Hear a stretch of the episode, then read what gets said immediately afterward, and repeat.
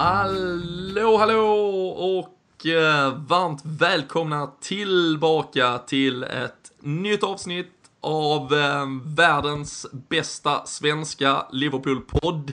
Vi är ju inte blygsamma, men eh, någorlunda realistiska ändå, tycker jag väl. Det har ju varit mötet eh, med stort M, matchen mot Manchester United i helgen. En eh, buss som fortfarande står felparkerad på Anfields matta, ska boxeras bort nu och eh, vi ska såklart eh, snacka ner den där stormatchen. Blev det någon stormatch ens och vad är intrycken från den där poängen vi tog med oss när allt väl var över? Och sen så väntar ju redan imorgon eller idag beroende på när du lyssnar. Vi sitter här måndag kväll, tisdag så möter vi Maribor borta i Champions League-spelet och till helgen väntar återigen stormatch dessutom på anrika Wembley. Det är Tottenham som står på andra sidan eh, linjen och eh, då är det tur att vi har samlat styrkorna vi gör det som vanligt tillsammans med LFC.nu, den officiella svenska supporterklubben som eh, ni hela tiden kan hänga med i svängarna kring om ni surfar in där på LFC.nu. Lös ett medlemskap för ett par eh, billiga hundralappar och eh, så kan ni ju även delta i debatterna där. Det är ju mycket surrande kring såklart matcher när laguppställningar kommer ut och man kan göra sin röst hörd kring, eh, ja, men kring allt möjligt där och så en gemenskap också som såklart är kul att vara en del av. Men eh, som sagt, mycket att eh, bearbeta idag. En stark laguppställning, en jävla supertrio ställer vi upp med i full attack här. Daniel Forsell som lovade 3-1 seger till Liverpool i helgen. Redo att ja, äta upp det nu hoppas jag. Ja, det var ju inte riktigt påläst statistiskt. Där känner man ju nu efter matchen att eh, det, var, det var mer eh, hjärta än hjärna bakom det. Kan man ju kan man säga i efterhand. Det är allt enkelt. Du hade inte riktigt tagit med i beräkningen att det var ungefär lika många mål som har gjorts på de senaste sex mötena mellan Liverpool och United? Nej, det var väl inte riktigt med det. ja, det är bra. Uh, en som var eh, mer negativ men eh, nästan hade lika mycket fel. Om jag minns rätt så var det väl 2-1 till de hemska motståndarna. Kalle Sundqvist tippade men att de skulle göra två mål med knappt en meter över på offensiv planhalva kändes väl ganska tidigt också borträknat kanske. Ja, det gjorde det verkligen. Jag såg någon bild som florerade senast idag här när det hade gått två minuter och det var inte en enda Manchester United-spelare som som fanns med i tv-bilden och redan där kunde man väl kanske räkna hem att det inte skulle bli någon offensiv attack från, från United. Men eh, jag är inte helt besviken med mitt tipp ändå för att det, det känns eh, oavsett känns det som en förlust så att eh, så illa tippad kanske inte var ändå. Vi kan ju se om det är något bettingbolag som kan tänka sig att betala ut på att känslan ändå var en förlust. och jag måste tyvärr göra dig besviken Kalle, för den där bilden är ju photoshoppad.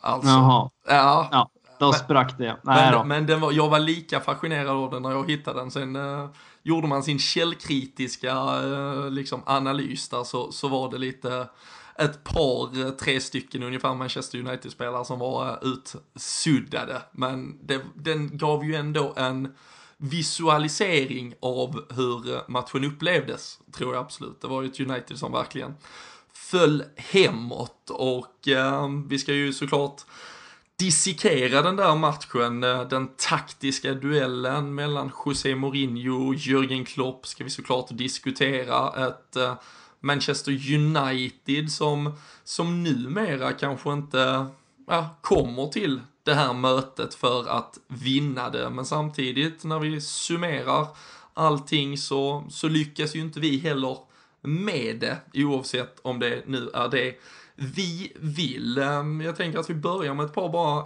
ord kring eh, hur, man, hur, hur ni upplevde matchen. Det är som sagt Danne, det här är ju matchen med stort M, det är säsongens höjdpunkt på många sätt och vis. Men eh, vad var liksom eftersmaken efter 90 minuter? Satt man där med hjärtat i halsgropen och liksom bara uh, pumpade kring vilken match vi fick uppleva. Nej, men det kan jag väl inte påstå att det gjorde. Sen att man hade hjärtat i halsgropen hade man väl nästan ändå. Man, man blir ju kanske lite orimligt eh, uppe och håsad eh, själv och uppjagad inför de här matcherna. Och man, eh, det är ju nervositet i, i 90 plus kring, kring själva matchen tycker jag. Men det, det blev väl, eftersmaken är väl lite bitter nästan. Som eh, dels för att jag tycker att vi för, eller, gjorde tillräckligt för att vinna. Men också för att man kanske någonstans inser att precis som, som det har varit nu några år eh, på rad här, inte eh, blev den stormatchen som man ändå någonstans ser framför sig att den här matchen ska vara. Och det är väl det som, eh, som kanske i förlängningen blir den största besvikelsen. Att man tycker att Liverpool-Manchester United är en sån match som... Den bjuder fan inte upp till underhållning längre riktigt, tycker inte jag. Mm.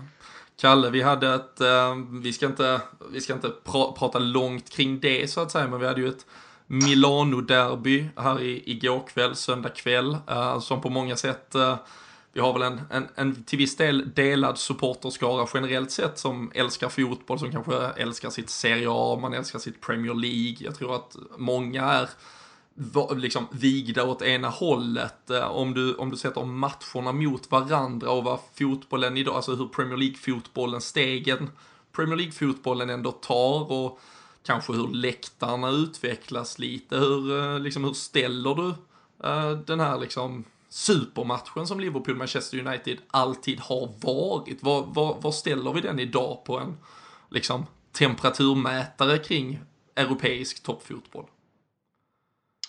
Ja, det är, det är en jättesvår fråga såklart. Jag flaggade lite grann för det förra poddavsnittet här nu att det kanske inte betyder lika mycket längre det här mötet. Framförallt inte för spelarna när eh, vi har tappat ganska mycket inhemska spelare framförallt i, i båda lagen och främst lokala spelare. Så att där tror jag absolut att det inte betyder lika mycket som, som det har gjort. Eh, jämför man matchen igår som du sa, Inter-Milan med vad allt vad atmosfär betyder och så, så skåpar ju den ut Liverpool United helt och hållet tycker jag. Eh, jag tittar inte jättemycket italiensk fotboll, men när det är stormatcher så, där så, så brukar jag försöka titta. Eh, och där tycker jag väl egentligen att nästan alla italienska stormatcher och kanske i andra ligor också. Ja, det, det är lite mer stormatchkänsla över de matcherna än vad de stora matcherna är i England.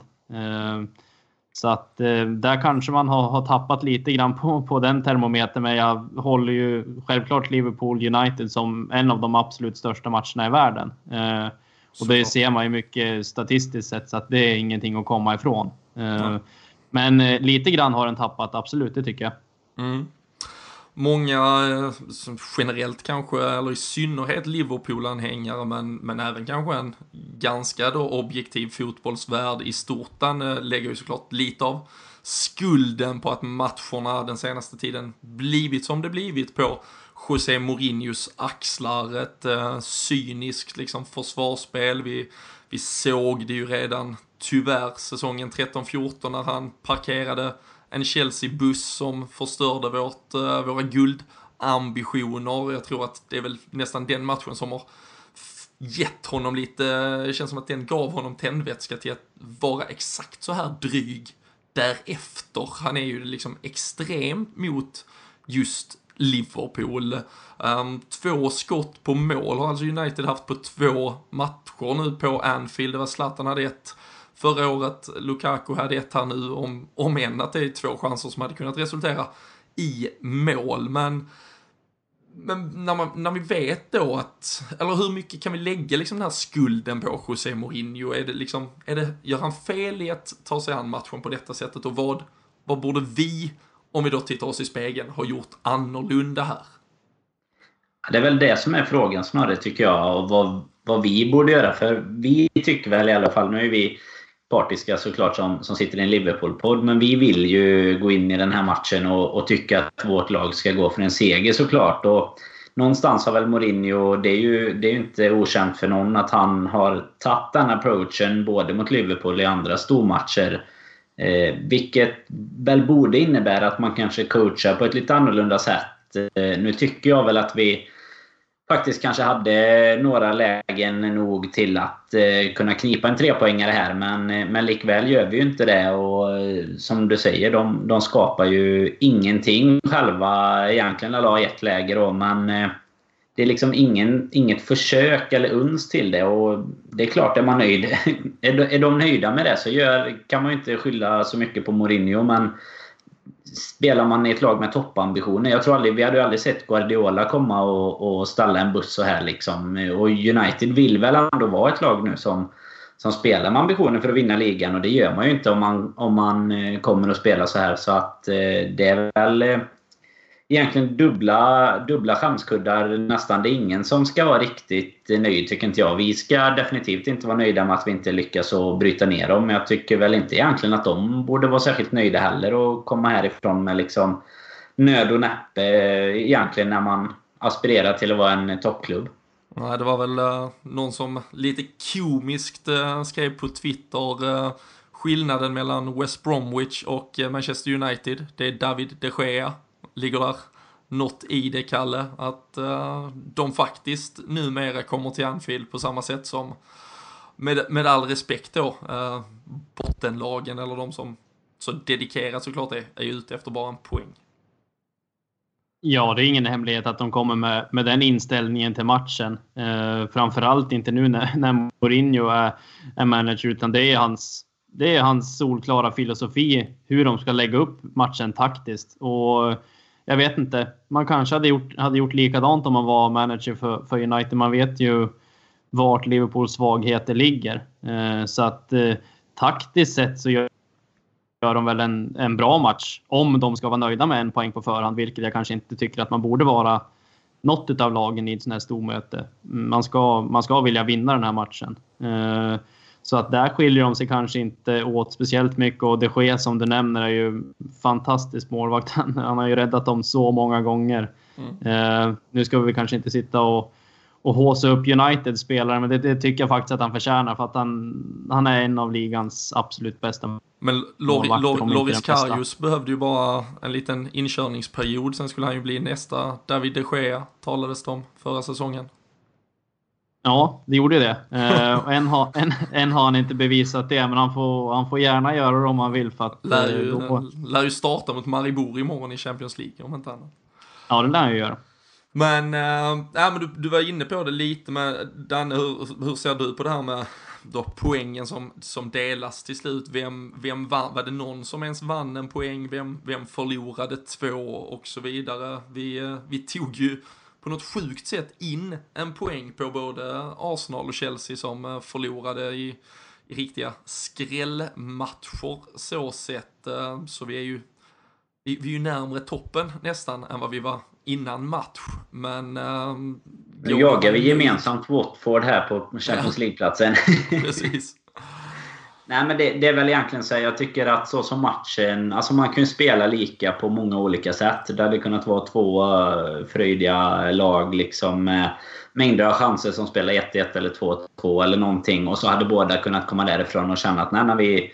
Det blev väl eh, någorlunda förtjänt med, med lika. Här tycker jag ju att eh, vi misslyckas mest egentligen. För att eh, uppenbarligen är ju planen att komma och ta en poäng för United. Och det gör de ju. Och vi, eh, vi ville ju mer och vi försökte mer och vi borde väl ha fått med oss mer också. Så att eh, jag tycker väl att eh, United vann eh, kryssmatchen om man säger så. Även om, eh, även om vi, vi var ett bättre lag så sett. Ja. Jag, jag tror också att eh, jag tror det var gladare miner i eh, borta omklädningsrummet än vad det var i eh, hemma omklädningsrummet där efter slutsignal. Det, Nej, då, och det är ju, alltså det är ju extremt trist såklart. Samtidigt så, alltså jag har ju också någonstans eh, djupt inom mig, jag försöker ju gömma den, liksom en, en sweet spot för att José Mourinho faktiskt inte bryr sig ett skit om vad alla, alltså han vet ju att snacket kommer vara att han var så jävla tråkig, att han förstörde världens största match typ, att han parkerar bussen, han spelar karaktärsspelare som en Ashley Young, han liksom låter laget lägga sig i en fembackslinje han bryr sig inte. Ingen annan tränare hade kommit undan med det i en sån här toppklubb. Och han lyckas dessutom göra det på ett så ja, men, liksom svinigt sätt och liksom på någon, med någon stolthet i det att United-fansen istället för att ställa sig upp och liksom skrika att vad fan, se till att försöka slå Liverpool, så sätter de ju istället en jävla glädje nu i att se exakt den här frustrationen som vi nu uttrycker, att vi känner att vi borde vinna, vi borde, vi är ju bättre, men vi får ju ändå inget för det.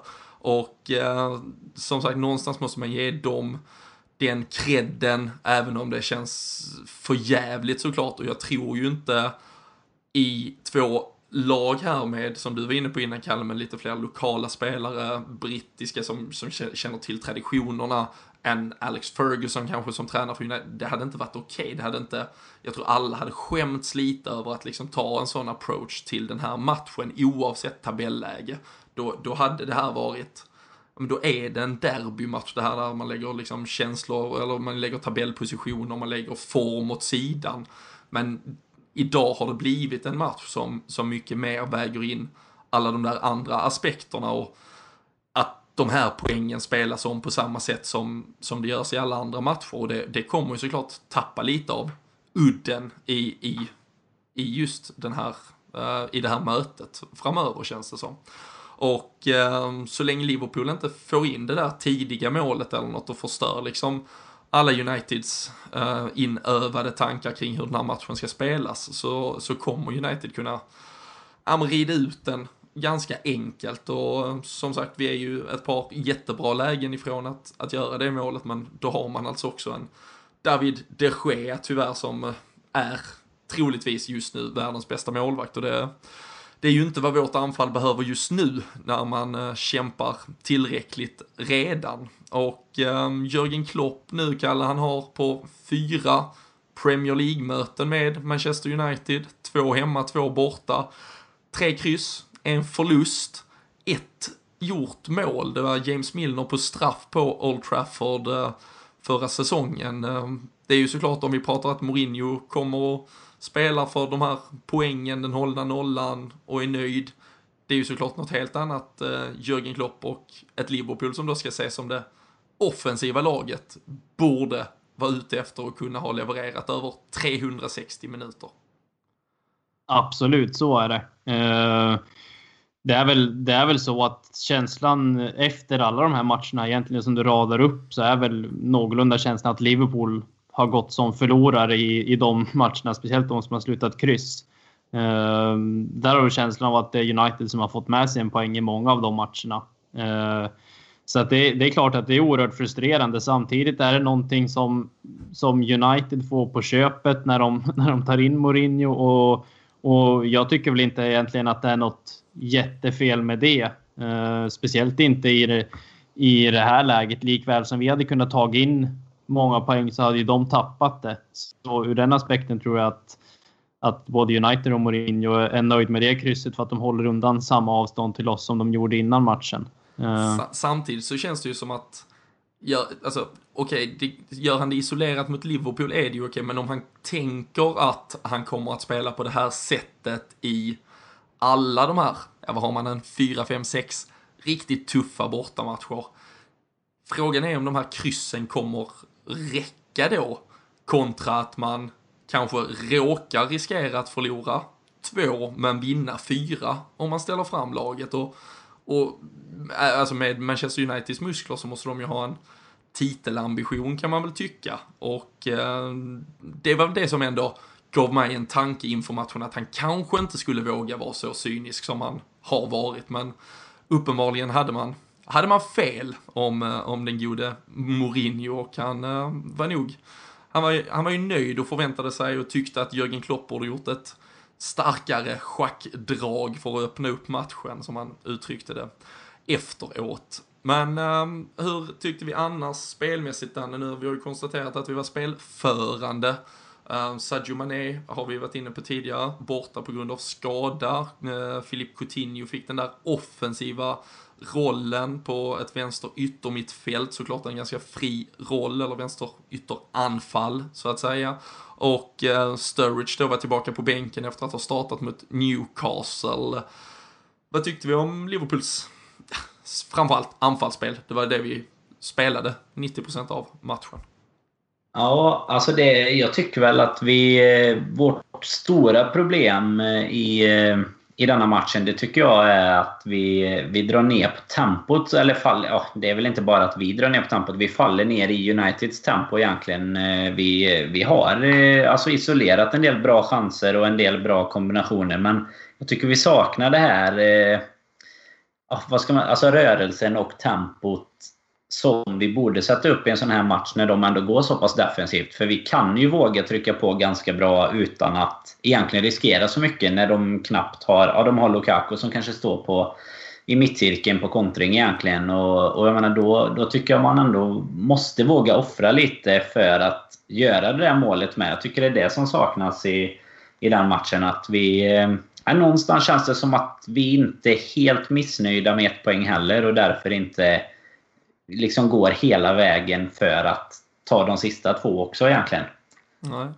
Vad tyckte vi isolerat sett där eh, kring Coutinhos eh, roll, Kalle? Hur tyckte du han eh, tog sig en punktmarkerad i stort sett av Ander Herrera. Han, han gillar ju, om vi pratar om Mourinho som en svinig manager, så har vi ju en svinig spelare där. Men hur tyckte du Coutinho såg ut efter mycket resande landslagsspel och så vidare? Ja, relativt pigg ändå får man väl säga. Eh, det blir ju svårt i en sån här match också när man möter ett sånt, sånt disciplinerat eh, och lågt sittande lag så är det ju jättesvårt. Dels för honom att hitta ytor men även hitta, hitta ytor att slå bollarna på. Eh, som man normalt sett är en av de absolut bästa på i ligan. Det har vi sett många gånger. Det är ganska svårt att avgöra tycker jag hur, hur skillnaden blir i en sån här match när vi, när vi är så bollförande om man spelar i den här lite, lite defensivare rollen jämfört med vad, vad han gjorde nu senast. Ehm, han har några, några bra aktioner i matchen där vi, där vi kanske borde förvalta de lägena lite bättre. Um, överlag offensivt så tycker jag väl kanske inte att vi gör någon, någon jättematch. Vi kommer till några lägen och sätter inte dit dem. Uh, och man vet att i den här typen av matcher så får vi inte speciellt många lägen och sätter man inte dit dem får man, man får så, så kommer man inte vinna matchen. Så enkelt är det bara. Ja, Nej, absolut. Och vi, vi har varit inne på de Gea. Han gör ju såklart en superräddning på eh, Joel Matips eh, avslutar från, från nära håll. Det kan ju max vara en och en halv meter och så en benparad som hade spräckt varenda ljumske man själv sitter inne på. Och eh, sen då tyvärr eh, Mohamed Salah. eh, vi har varit inne på hans avsluts, eh, ja, hans, hans procent, hans hit rate. Eh, tyvärr där då så, så skäl han väl bollen lite oturligt från eh, Coutinho på returen den och det, det, är ju, det är ju den där typen av felbeslut och lite stress liksom. Vi, Mohamed Salah har ju varit fantastisk på många sätt och vis men, men det är väl lite en till, en sån här, ja men ett ytterligare litet, litet bevis på att det saknas någon liten sista fotbolls, fotbollshjärne-touch på hans eh, end product, så att säga. Ja, men det är ju precis det vi har varit inne på. Det är exakt som du säger, det är den här situationen liksom bara styrker eh, den tesen egentligen att han... Eh, jag vet inte, han, han har ju alltid eh, i sig att komma till de här chanserna och han är någorlunda rätt läge liksom även här då för att, att vara där. Men han sätter inte dit dem och eh, fram tills han gör det så alltså han har ju fortfarande varit en fantastisk värvning tycker jag. Och vilket tillskott och vad, vad bra han kommer kunna vara i Liverpool. Men eh, vad mycket bättre han hade kunnat vara om de här sitter istället. Jag menar, jag tycker han gör några riktigt bra aktioner i den här matchen också. Men eh, det är det sista lilla som, som fortfarande saknas. Och det, tyvärr eh, tror jag att vi kan ta ut en eller två eh, lägen minst i varje match i stort sett som han har spelat eh, faktiskt. Ja, nej, nej men så är det ju absolut. Uh, I tillägg dessutom uh, Emre Can som uh, missar ett uh, också öppet men såklart ett svårt avslut. Kommer flygande som en jävla katapult in i straffområdet i stort sett. Men ett fantastiskt inspel från Joe Gomez där han får avsluta från det är väl också i stort det är nästan Matip-avstånd, en och en halv, mm. två meter, men sätter upp den på vad är det, rad 75 någonstans man brukar stå, man står längst upp på dekop helt enkelt. Så nej, det är och det, man har ju inte råd, alltså tre, fyra kvalificerade lägen mot ett, ett Mourinho-parkerat lag. Mycket mer än så tror jag inte man kan begära och då, då krävs det såklart att man, att man sätter dit bollarna och det, det, det blir ju också då en diskussion för, ja, vi får ändå den här typen av chanser. Vi har alltså ett par lägen att avgöra det, men det känns ju ändå frustrerande, men hur, hur tycker du att Klopp ska få som helhetsbetyg, Kalle, för hur, hur matchen ändå hanteras? Fanns det något i utgångspunkt, vi ska prata lite byten och förändringar, men fanns det någon i, något i approachen från start man kunde gjort annorlunda så här med facit i hand? Ja, så här i efterhand, det är lätt att sitta nu och säga, men då kanske man inte skulle haft ett, ett sånt balanserat mittfält som vi fick nu med Henderson, eh, Chan och Wijnaldum. Eh, jag tror inte på förhand att han ville riskera och, tappa mittfältskampen i en sån här match eh, utifall United skulle skulle ändra filosofi och, och gå framåt. Eh, det är väl där man skulle kunna ändra egentligen och kanske haft två av de spelarna där och mm, haft en liten offensivare balans på, på framförallt mittfältet. Ehm, det är väl där det, det, skulle kunna göras någon förändring egentligen. Ehm, och det såg han ju uppenbarligen inte själv heller. Han gjorde ju inte de bytena som han sen gjorde som kanske förändrade speciellt mycket på det, utan vi vart väl mer jag tyckte vi varit svagare offensivt efter hans byten. Och, och det är väl inget toppbetyg till, till honom som taktiker heller. Mm.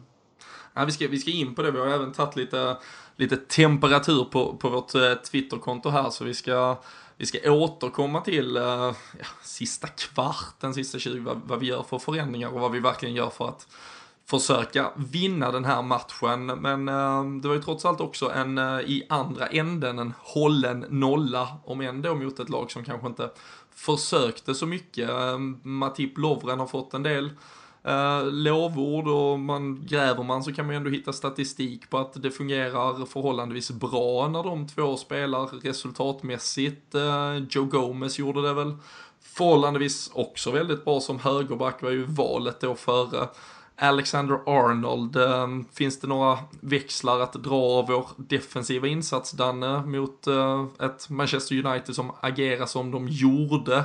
Eller eh, finns det mer att bevisa innan vi, innan vi förlåter vissa individer?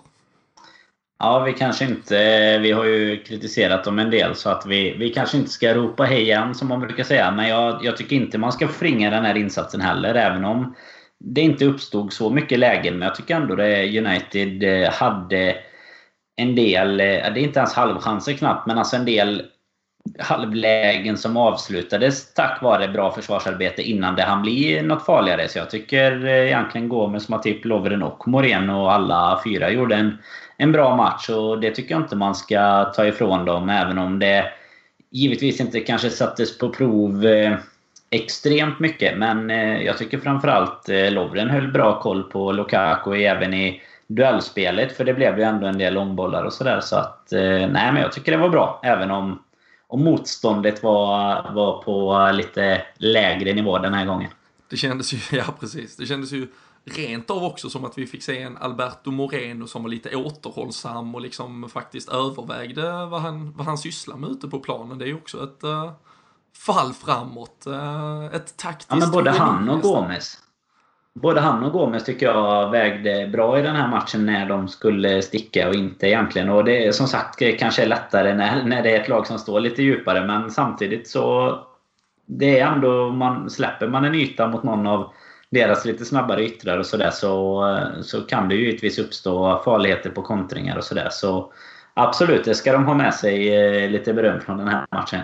Mm det är väl egentligen, ja, när, när vi möter den här typen av motståndare som Lukaku, vi har mött eh, Diego Costa tidigare. Den typen av matcher tycker jag faktiskt Lovren har gjort bra ifrån sig många gånger faktiskt. Eh, känslan är att man måste upp ganska tidigt i ryggen på, på främst Lukaku nu då som, som de an, använder som sin klara uppspelspunkt med den defensiva inställningen de hade. Är han där hårt upp i ryggen direkt som han var många gånger i den här matchen så så hindrar man United att få upp bollen och etablera någon form av anfallsspel. Så där tycker jag faktiskt Lovren gör det, gör det jävligt bra. Sen har han ju andra brister såklart som vi har berört många gånger. Men just den delen av spelet, där tycker han också, där tycker han gör det bra många gånger. Men det har, ju, det har ju skett en stor förändring. Det här var ju den alltså, typiska anfallaren vi var extremt rädd för att möta för en är det tre, fyra, fem år sedan när vi hade en annan, eh, liksom, en annan typ av backlinje medan vi idag, om vi då tittar, eh, Lukaku har gjort ett mål på sju matcher mot Liverpool. Det är ju till mångt och mycket sedan, eh, sedan då vi, vi börjar bygga den här backlinjen, framförallt bestående av Dejan Lovren, Harry Kane, peppar peppar, nu så möter vi honom till helgen, han är ju en spelare, han har ju inte sprudlat mot Liverpool heller riktigt. Eh, Diego Costa som ni var inne på, vi har ett par fler exempel medan, som vi såg för ett par veckor sedan när vi mötte Manchester City, Sergio Aguero är ju Alltså, han är ju målgaranti med sin liksom kvickhet, finess när han sticker bakom ryggen på någon. Där hänger de ju inte med på samma sätt, men som sagt, när de får försvara sig på rätt håll, när de liksom får se vad som händer, när de får liksom gå upp och ta duellerna, då, då fungerar vår backlinje väldigt bra och det ska den såklart ha beröm för när den gör.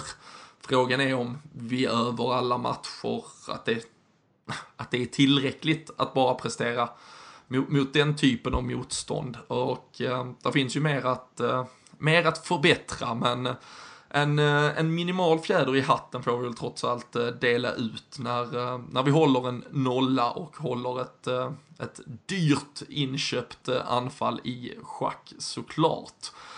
Men um, om vi övergår till vår egen eh, offensiv igen då, eller framförallt eh, det som skulle bli någon form av eh, slutforcering och även om det här kan efterkonstrueras så, så var väl min känsla ändå att när vi började göra byten, man började se vilken typ av byten United gjorde, det var, det var ganska försiktigt från deras sida, de, de, man märkte att de, kom de skulle inte heller göra ändringar för att för att liksom gå för det, utan de skulle absolut ha lite ben på plan för att orka med omställningar om det chansen skulle ges. Men, men annars var det ju ett, ett, ett som sagt, ett United som stod och vinkade vit flagg i stort sett. Och då kände man väl att liksom nu, nu, nu gör vi någonting här. Nu, nu får vi väl plocka av en, en Emre Can, en Wijnaldum. De springer och gör i stort sett samma jobb. Eh, båda två gjorde det, det jobbet de skulle bra, men det var ju inte ett jobb eller en, liksom, en udd som skulle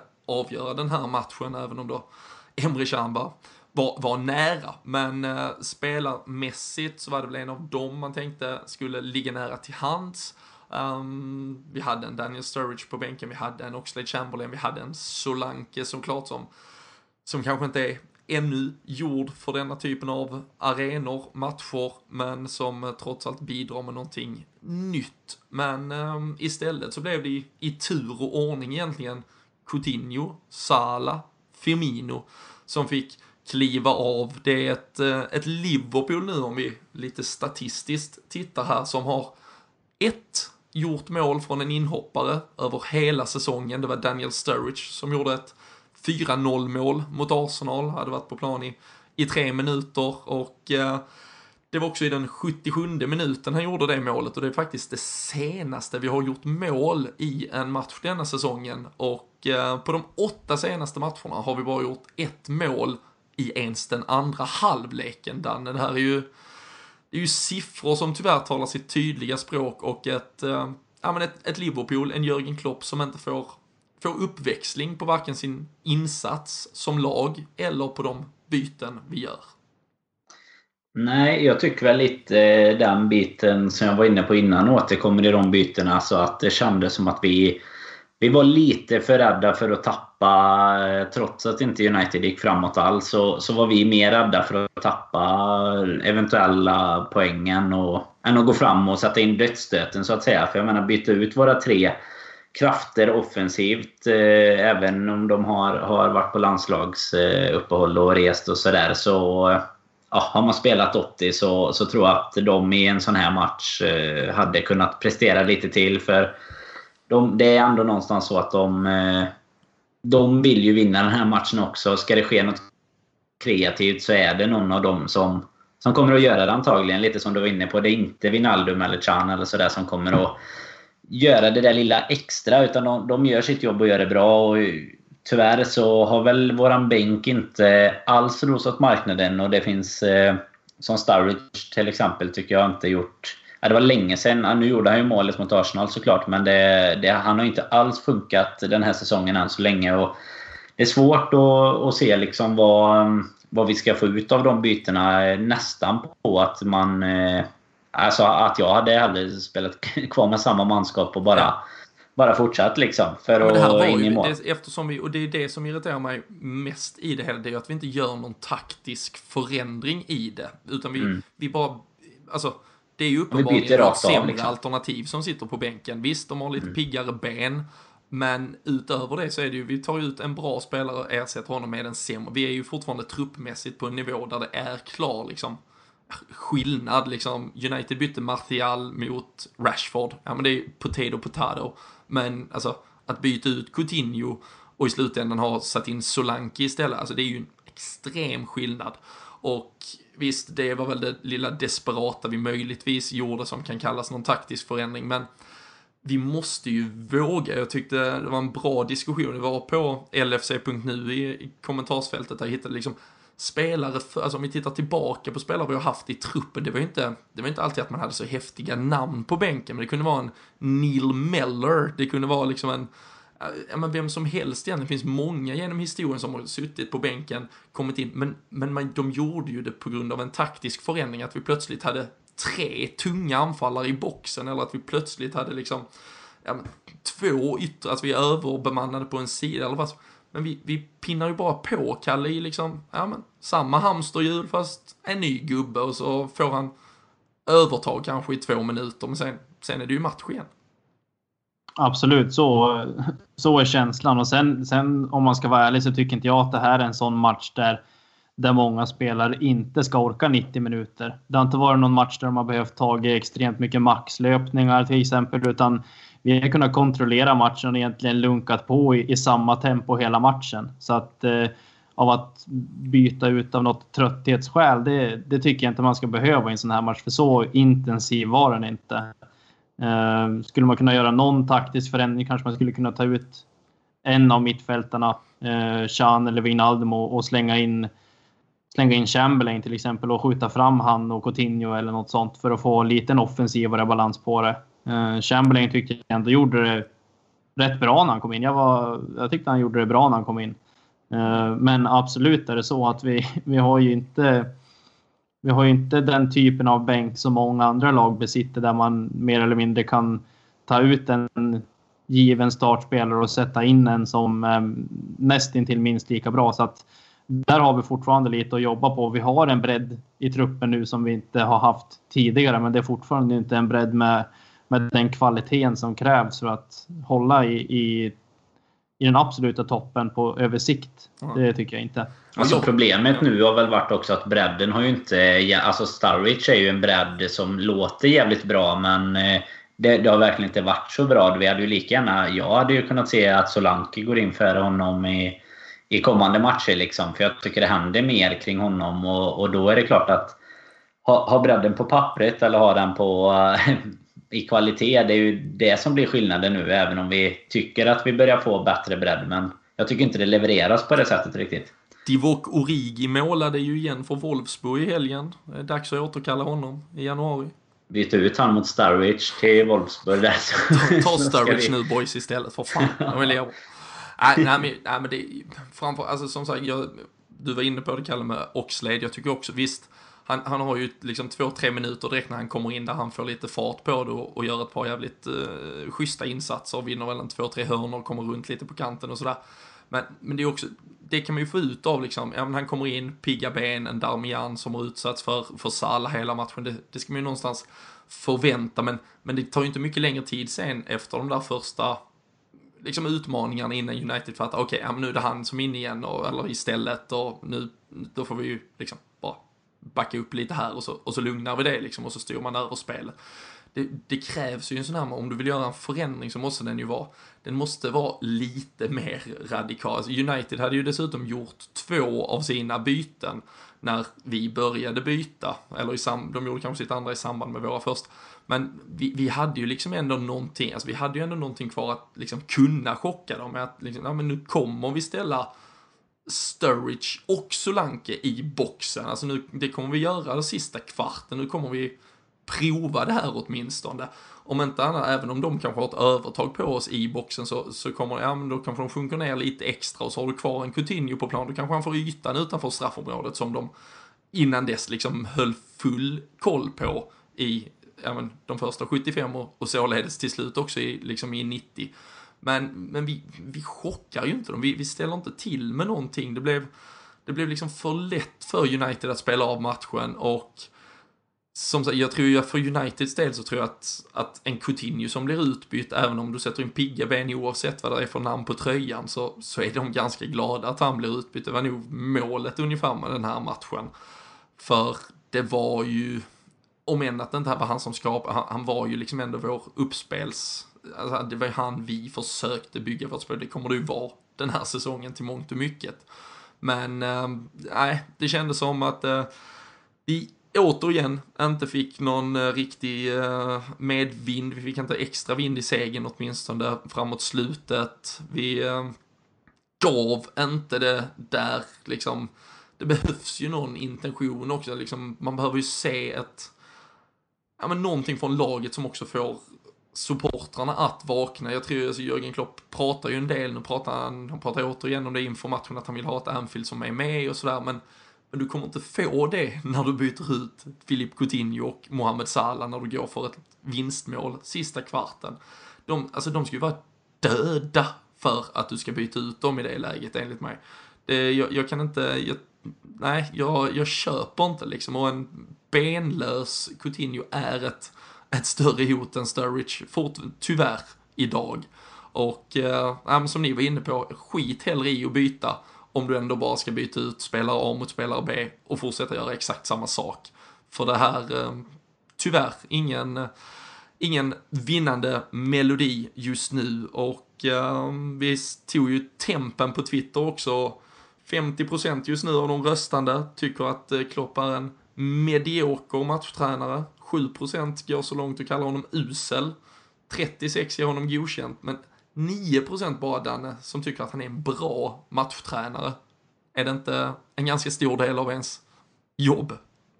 Jo, men så är det ju. Vi har ju kommit tillbaka lite till det tycker jag under egentligen hans eh, två år här som, som manager hittills. Eh, att det har varit lite... Eh, ja, det har saknats den här sista udden i att faktiskt kunna trycka till ett lag. Nu är det inte bara United, för det kanske vi inte förväntar oss lika mycket att vi ska kunna trycka till dem. Men även mot lite sämre lag som har backat hem har vi haft stora problem tidigare. Och Det är ju egentligen den här biten att lyckas liksom få in, lite som du var inne på innan, antingen få in en förändring i spelsystemet eller då att man får in någon med, med lika bra kvalitet men piggare ben. Och det är väl, nej det är klart att det hans jobb är att, vinna matcherna och lyckas man inte med det och den här statistiken som du tog upp är ju helt skrämmande på hur, hur våra inhoppare har presterat. Det, nej, det krävs ju en bättring såklart om vi ska kunna slåss om, om den fjärdeplatsen vi, vi nog hoppas på och kunna vara med på flera fronter dessutom då.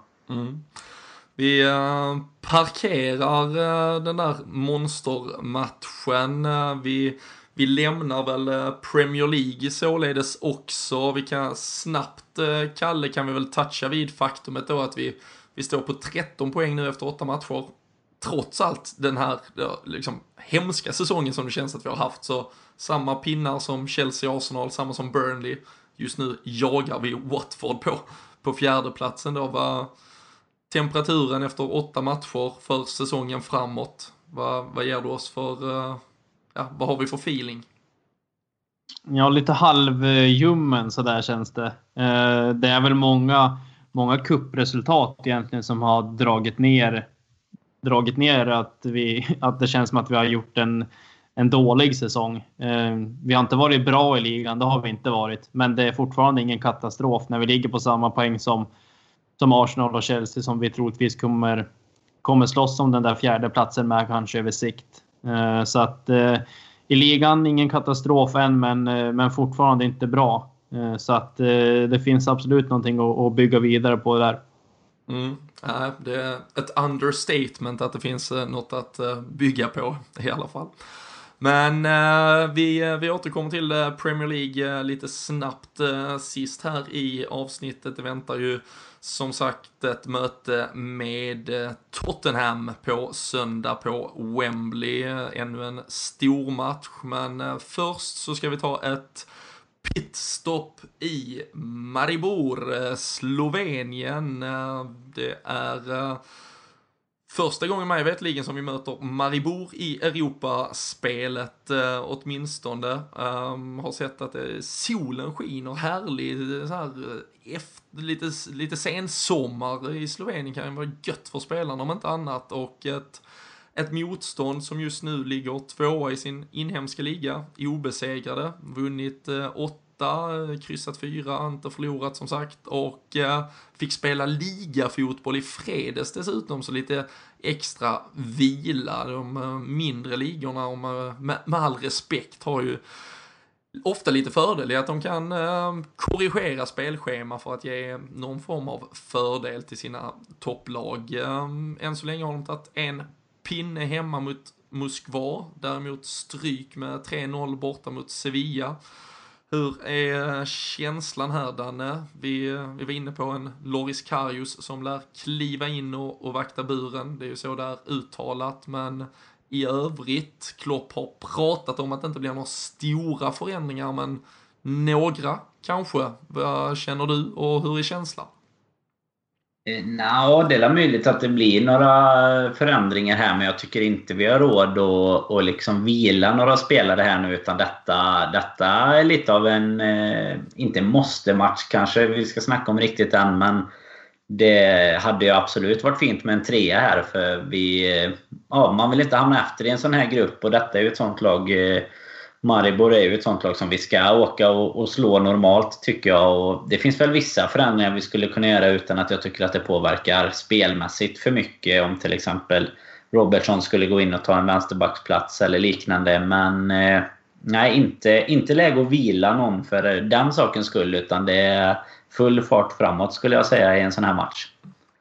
Kalle, du var, du var inne på um, Oxlade, Chamberlains, uh, åtminstone inledningsvis då pigga inhopp här mot United. Han har ju varit uh, fog för diskussion de senaste veckorna. Och uh, kan det här vara kanske, jag vet inte om vi ska kalla det den stora chansen, men åtminstone någon form av riktig eh, värdemätare för honom. Har ju än så länge bara startat i ligacupen mot Leicester. Ehm, här kanske han kan få gå in som bara då en av två, tre roteringar in i en riktig startelva så att säga. Absolut, det, det tycker jag. Jag har eh, inte slängt Chamberlain över borden utan jag, jag tror, eh, tror rätt mycket på honom som värvning faktiskt. Så att, eh, det är väl den, eh, den förändringen som jag helst skulle vilja se om vi, om vi nu roterar, vilket vi mest troligt kommer göra på någon position. Eh, så att eh, kanske plocka ut Wijnaldum, flytta ner Coutinho och upp med Chamberlain lite grann. Mm. är väl det det jag skulle vilja se. Sen skulle jag inte bli förvånad om vi ser någon förändring på, på ytterbacksplatsen heller. Men eh, jag skulle vilja sträcka mig till att det här är en måste-match. Båda mötena som kommer nu med Maribor egentligen måste vi ta tre poäng i båda om vi vill ha någon möjlighet till att vinna gruppen. Eh, gör vi det, då, då tror jag att vi har god chans att eh, att tåga på och, och kanske ta en gruppseger. Men vinst i de här matcherna är ju ett, ett måste om vi vill kvalificera oss. Det, det tycker jag absolut att det är. Ja, nej men det kan jag undra, alltså ett kryss här och ett eh, Sevilla då högst troligt som kanske slår Spartak Moskva även om det är, det är en tuff match för dem också så att säga, men då, då har ju Sevilla verkligen ändå satt, satt sig själv i förarsätet och liksom pole position för att jogga hem den här första platsen. Eh, vi ska ju spela borta mot dem dessutom och äh, det, då kommer det vara en, en uppförsbacke sen. Som systemet och sidningarna har sett ut nu så finns det ju bra lag som kommer komma både etta och tvåa i sina grupper och de kommer väl falla lite på lotten till slut ändå huruvida ens möjligheter i ett slutspel eventuellt blir. Men det finns ju resultat som skulle kunna börja riskera en till och med en, en topp två-plats om, om vi skulle misslyckas med att vinna här och framförallt psykologiskt extremt tungt för, för liksom, klubben, för Klopp att inse att ja, nu har vi varit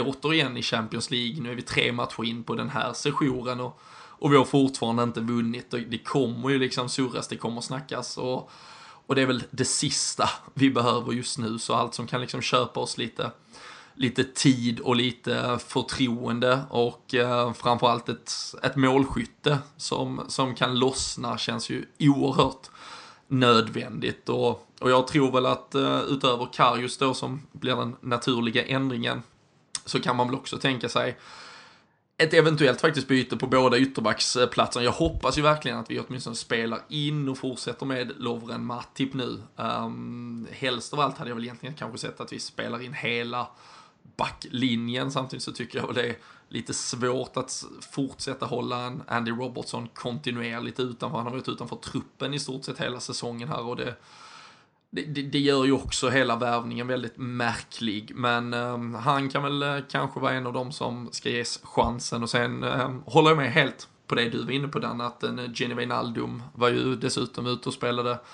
två landskamper med, med Holland, eh, bland annat där mot Sverige. Och ehm, kan nog må gott av lite vila och kan absolut vi kan ju ge en bra balans åt laget ändå genom att plocka honom mot att då flytta ner Coutinho och ge Chamberlain en, en start i en miljö som då ändå ska anses vara ett, ett ordinarie Liverpool eh, tillsammans med Salah på varsin kant och en Firmino i mitten. Jag, jag hoppas också det är slutlaborerat med en Sturridge för eh, skulle detta nu vara matchen där vi får lite islossning så, så har jag ju mycket hellre än Roberto Firmino som pytsar in två och har med sig det självförtroendet än att än att de målen eventuellt skulle falla på Daniel Sturridge. För jag tror inte, jag tycker han har bevisat tillräckligt nu att han, han inte varken fysiskt eller mentalt har återhämtat sig och är liksom, är den fotbollsspelaren som, som namnet skvallrar om. Utan uh, där uh, den elvan och ett, liksom ändå ett visat förtroende och att vi bygger på någonting för, för att ta liksom sats mot Tottenham-matchen för annars kommer det behövas byggas om igen där och eh, jag tror inte vi har riktigt råd med, med det um, i det här läget helt enkelt. Men hur känner vi resultat? Du, du vill inte sträcka dig så långt som att kalla det en, en måste-match, Danne, men uh, vad, vad, tror du att vi kan, kan lyckas åstadkomma? Är det, är det här liksom ändå så pass, är Maribor så pass dåliga så att vi, med all respekt, men att vi, nu måste vi ändå kräva den där segern och ett par bollar? Ja men så är det ju absolut. Alltså, det, är, det är ju inget snack nu. Det, man ska ju ha all respekt för alla lag och som har tagit sig så här. Men alltså nu, nu får man ändå visa att namnet... Eh, alltså att det, det, finns något bakom klubbnamnet också. Så att eh, minst... Eh, jag är schysst när jag ger ett godkänt på 2-0. Men minst 2-0 ska vi ha med oss i alla fall. Mm. Kalle, du, om än att du gav eh, United en, eh, en liten seger, eh, ja, alltså lite segervittring här förra veckan, men annars notoriskt positivt inställd till Liverpool och eh, när det väl vankas match, nu är vi faktiskt bara 24 timmar bort så det, det bör väl ha börjat pumpas in i blodet. Hur, eh, hur tror du vi hanterar och får vi Jörgen Klopps första Champions League-seger? Ja, nu, nu tror jag faktiskt att det är dags. Jag, jag, jag har en känsla av att vi, kommer, att vi kommer kunna städa av den här matchen. Eh, det är absolut ingen enkel match. Jag vet att Chelsea mötte Maribor borta för några år sedan i Champions League också och spelade 1-1 på bortaplan. Eh, sen tror jag att de vann tämligen enkelt med 5-6 bollar på hemmaplan. Så att eh, jag säger 3-0 Liverpool, så att vi inkasserar en nolla där också. Mm. Och fullständigt jävla uppslagsverk eh, från dig. 1-1 blev det i bortamötet för Chelsea och sen 6-0 hemma. Men eh, vi kan väl hoppas att eh, Maribor har stått för sin Premier League-skräll då helt enkelt. Eh, det var dessutom, vad blev det? Ja, det var ju när Chelsea vann ligan den säsongen till och med. Ja, det var ett, ett starkt, starkt resultat av Maribor. Men eh, sånt tolererar vi inte eh, imorgon helt enkelt. Och eh, två vinst, eh, vinstförberedda eh, panel, panelhörnor här i form av eh, Daniel och eh, Kalle då. Så jag, jag, jag vågar inte ens tippa. Jag, jag, alltså, islossning känns ju så jäkla skönt och viktigt om så skulle bli fallet. Men, men viktigast av allt är ju tyvärr, eller tyvärr och tyvärr, men det är ju tre poäng. Och eh, jag kommer, när matchen väl är slut så kommer jag inte orka bry mig hur det har sett ut om vi har tagit de där poängen för det. Champions League handlar enbart om att ta sig vidare från gruppspelet och sen kan som sagt allting hända och, och helst då att man tar sig vidare med ett, med ett bra utgångsläge och, eh, och det kommer krävas en seger där och eh, som sagt sen har vi dem igen om bara två veckor på hemmaplan och eh, då är det väl då är det kanske läge att, att eh, liksom städa av dem ordentligt men eh, lyckas vi trots allt också inklämt mellan ett möte med Manchester United och Tottenham åka dit, ta poängen så är jag, så är jag mer än nöjd. Och eh, där kan jag väl tänka mig att ursäkta om vi eventuellt väljer att göra byten för att vila spelare om vi har, har en 2-0 eller någonting med, med en 7, 8, 10 minuter kvar men, men mer än så vågar jag nog inte försöka safea detta helt enkelt. Ehm, och ehm, vi är ju eh, tillbaka då, det är mycket matchande men en podd eh, denna veckan så vi får ju försöka beröra Tottenham-matchen också som väntar till helgen. Ehm, det är ju Wembley, det är ju alltid såklart speciellt. Eh, Tottenham har ju levt lite med ett spöke kring det och liksom faktumet att de behövs tvingats dit men har inlett säsongen förhållandevis starkt ändå är ju eh, det laget som, eh, som egentligen ser ut just nu att utmana United och City i den absoluta toppen om man ska dra växlar efter åtta omgångar. Eh, hur är Tottenham är ett lag där som vi har haft ganska lätt för därmed. Det är ju ett lag som, om vi räknar stormatcher, som har velat spela fotboll. Hur är, hur är känslan inför helgen? Nej, det är, det är ju bra konstigt nog tycker jag. För att det är precis som du är inne på. Tottenham har varit lite av ett så här drömmotstånd för oss. Och vi har lyckats bra mot dem. Eh, samtidigt tycker jag att det är det laget efter City som är, är bäst egentligen på att eh, och leverera mot alla typer av motstånd egentligen. Både i toppmatcherna men även kunna städa undan de här lite mindre... Mindre lagen är det ju inte men ni förstår vad jag, vad jag är ute efter där. Och, eh, konstigt nog har jag en ganska god känsla samtidigt som jag har all respekt för, för Spurs faktiskt. Men eh, jag tror att det är de som hakar på City i, i tabelltoppen. Eh, jag hoppas väl att det inte ska vara till helgen nu. För det är lite som inför United-matchen tycker jag. Att vi, vi har liksom chansen att antingen vara... Det är väl egentligen bara en poäng bakom dem vi skulle vara om vi skulle vinna. Och det är sju poäng bakom om vi om vi förlorar. Så det är också lite som mot United att man... Eh, vi, vi behöver ju sätta igen det gapet även om man inte ska, ska dra alla växlar efter bara åtta omgångar. Men man, man får inte hamna för långt efter det heller och det är viktigt att ta poängen i de här matcherna också så att man, man tar lite av dem som förhoppningsvis i slutändan då blir våra konkurrenter. Mm. Är det vår tur, Kalle, att äh, åka till en äh, bortamatch och spela cynisk eh, försvarsfotboll och gneta oss till ett kryss. Eh, har vi ens det i oss och är det liksom, skulle det ens vara, vara tillräckligt så som läget ser ut för Liverpool just nu? Nej, svarar väl på båda de frågorna. Jag, jag, tror absolut inte att vi har något, den typen av spel i oss. Eh, framförallt inte mot den, de spelarna som som Tottenham har offensivt heller. Med Dele Alli och Eriksen är ju helt fantastiska båda två. Eriksen framförallt har varit jättebra den här säsongen. Eh, sen har de ju ligans bästa spelare i mina ögon, Harry Kane. Jag tycker han är, är fantastisk. Jag trodde inte att Tottenham skulle vara så bra som de är i år. Eh, det har man sagt några säsonger nu. Men eh, känslan är väl likväl som Danne är relativt positiv ändå. Eh, Tottenham är ett lag som jag tycker att Liverpool har gjort det bra både resultat och spelmässigt mot på senare år. Så att eh, känslan inför helgen är... Nej, det känns bra. Eh, nu får vi se vad som händer imorgon först så, så kanske man eh, har ändrat sig efter den matchen. Men eh, just nu så tycker jag att det känns jäkligt bra. Mm. Mm. La du in, ett, uh, la du in en liten bön om uh, att de skulle vara barmhärtiga när du träffade Kane och Ali och boysen i, på Heathrow när vi flög hem från sista Premier League-matchen förra säsongen? Ja, eh, jag trodde jag skulle kunna göra dem till odugliga spelare likväl som jag gjorde med Klavan när jag stötte på honom. Men det, det, verkar, det verkar inte ha blivit... Delali har de nog fan stulit lite mojo från. Han har ju inte varit eh, lika Nej, bra har... i alla fall. Nej, han har varit ganska sval den här säsongen faktiskt. Men Eriksen har varit kanon och Kane är ju kanske hetare än någonsin. Så att eh, jag lyckades inte riktigt med det, tyvärr.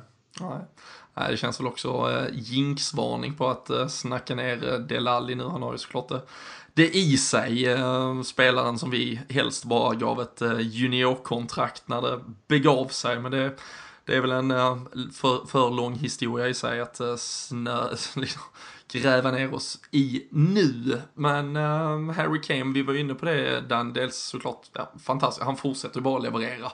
Han har ju varit, uh, där är ju en spelare jag också har känt att liksom, materialmässigt vet jag fan hur mycket fotbollsspelare det bor i honom, men liksom psyket, mentaliteten, eh, inställningen, det är ju såklart helt fantastiskt. Men um, hur tror du han passar mot, mot vårt sätt att försvara? Vi var inne på att han, han har ju ändå inte fått den här extrema urladdningen mot oss förr, som han uppenbarligen har fått mot andra lag.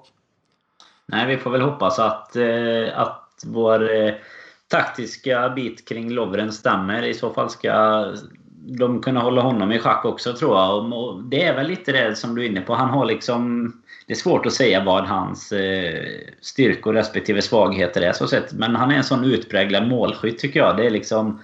Han bara bultar på och så eh, helt plötsligt sätter han något skott utifrån. Han sätter någon nick. Han, alltså det är så allround i själva målskyttet utan att ha de här spetskompetenserna riktigt, eller vad man ska säga. Men eh, nej, jag tror väl inte att eh, vi är ett motstånd som passar honom allra bäst. Jag tycker väl att han gör sina bästa matcher i de här lite mindre matcherna faktiskt. De matcherna som Tottenham vinner med 1-0 eller 2-0 eller sådär. När, när kanske vi tyvärr då de senaste åren har, har kryssat eller något istället. Så, så har han liksom utgjort skillnaden för dem istället. Och eh, jag tror väl inte att är till helgen han kommer att, att vinna någon skytteliga säger jag och, eh, och tar i trä så att alla vet det. ja men det känns framförallt, det är som du är inne på, när, när, när Tottenham blir extremt spelförande så, så vet man ju att målet kommer att hänga i luften. Han kommer ju vara på rätt plats vid något inlägg till slut. Och eh, där är ju Tottenham extremt bra. Alltså, de har ju väldigt bra inläggsfötter på, på kanterna. De har ju såklart det från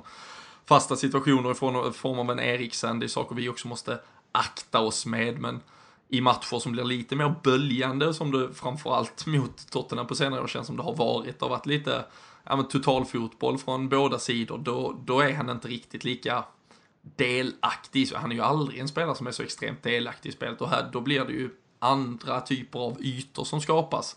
Där han kanske inte blir någon naturlig uppspelsfas på så sätt som han, som han blir annars i det här, i det mer statiska och liksom överlägsna anfallsspelet som Tottenham har i vissa matcher.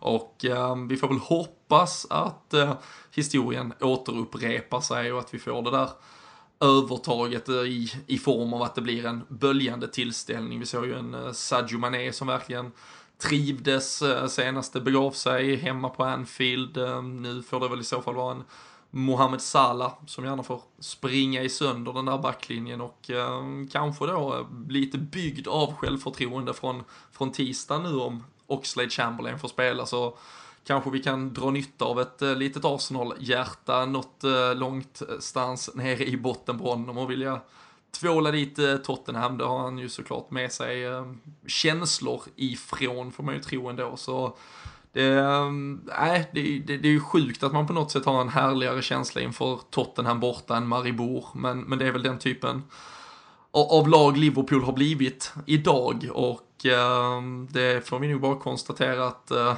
vi, får, vi får leva med helt enkelt. Ehm, med, eh, med det så tror jag faktiskt vi parkerar även eh, Tottenham-matchen. Vi har ju passerat timmen och eh, ni har säkert vettigare saker för er än att eh, tänka på Liverpool. Ni kan ju försöka skaffa er eh, ett andrum. Det lär vara matcher som sätter pulsen på prov här vad det lider i alla fall.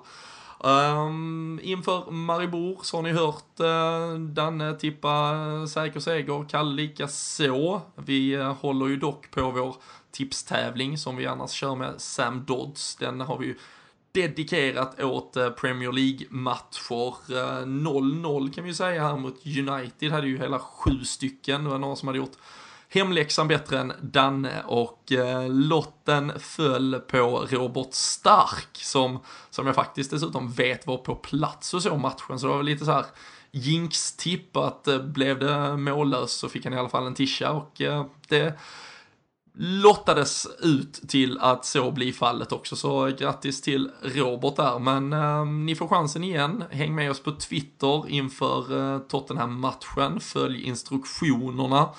Och eh, det lät ju positivt från er boys, men eh, hur låter det i sifferform till eh, helgen? Det är ju såklart långt fram att veva, men eh, Kalle, ska du börja och optimisttippa inför resan till Wembley på söndag? Ja, eh, jag tror att vi kommer få se en del mål åt, eh, åt båda hållen. Eh, det låter kanske fel att säga 2-2 nu när jag suttit och sagt att det känns så, så väldigt bra. Eh, men det var bara en känsla som, som kom upp, så jag säger väl 2-2 då. Mm. Ja, för fan. Det är dags att börja använda hjärnan ibland också i den här podden. Um, Danne? Ja, jag är likadan. Jag faktiskt. Jag tänkte precis säga det själv, att jag skämdes för mitt tipp nu när man har snackat upp och så. Men 1-1 eh, ser jag framför mig. Ja, ni, ni hör den här eh, su, Det kanske är optimistiskt. Su, superinsatserna Liverpool ska stå för. Det eh, resulterar i en pinne på Wembley i alla fall. Men äh, äh, jag, jag är ju snarare sjukt... Äh, jag, jag kan tyvärr se oss åka till Wembley. Vi, vi har ju inte varit så bra på Wembley heller ska jag säga, så man pratar om Tottenhams eh, spöke, men eh, senast vi var där var ju en cupfinal mot Manchester City. Den eh, gången blev det torsk, jag stod med Jocke Lundberg frös röven av mig. Och äh, vi har ett par äh, snöpliga insatser där innan dess också. Så äh, jag tror nog tyvärr att Tottenham kan vinna detta. Nu ska det väl också sägas att de möter Real Madrid i veckan i Champions League. Det är såklart en äh, jäkla tung match för dem att att rodda hem, vi får väl se om de bara lägger sig och dör eller om de försöker ge det en match, för det kan ju såklart vara något som sitter i till viss del annars för dem, om de åker på en stjärnsmäll eller vad nu fallet blir. Men jag, 2-1 Tottenham säger hjärnan, äh, hjärtat säger 4-0 till oss, äh, så får vi väl se vem som vinner den kampen helt enkelt. Men med det så summerar vi, avslutar och tackar för denna gången. Men eh, kom ihåg att följa oss på Twitter. LFC-podden heter vi där, enkelt och bra. Och eh, in på eh, LFC.nu också. Där kan ni både läsa om våra avsnitt och allt annat som händer och berör Liverpool. Men tills vi hörs nästa gång, ta hand om er och ha det gott.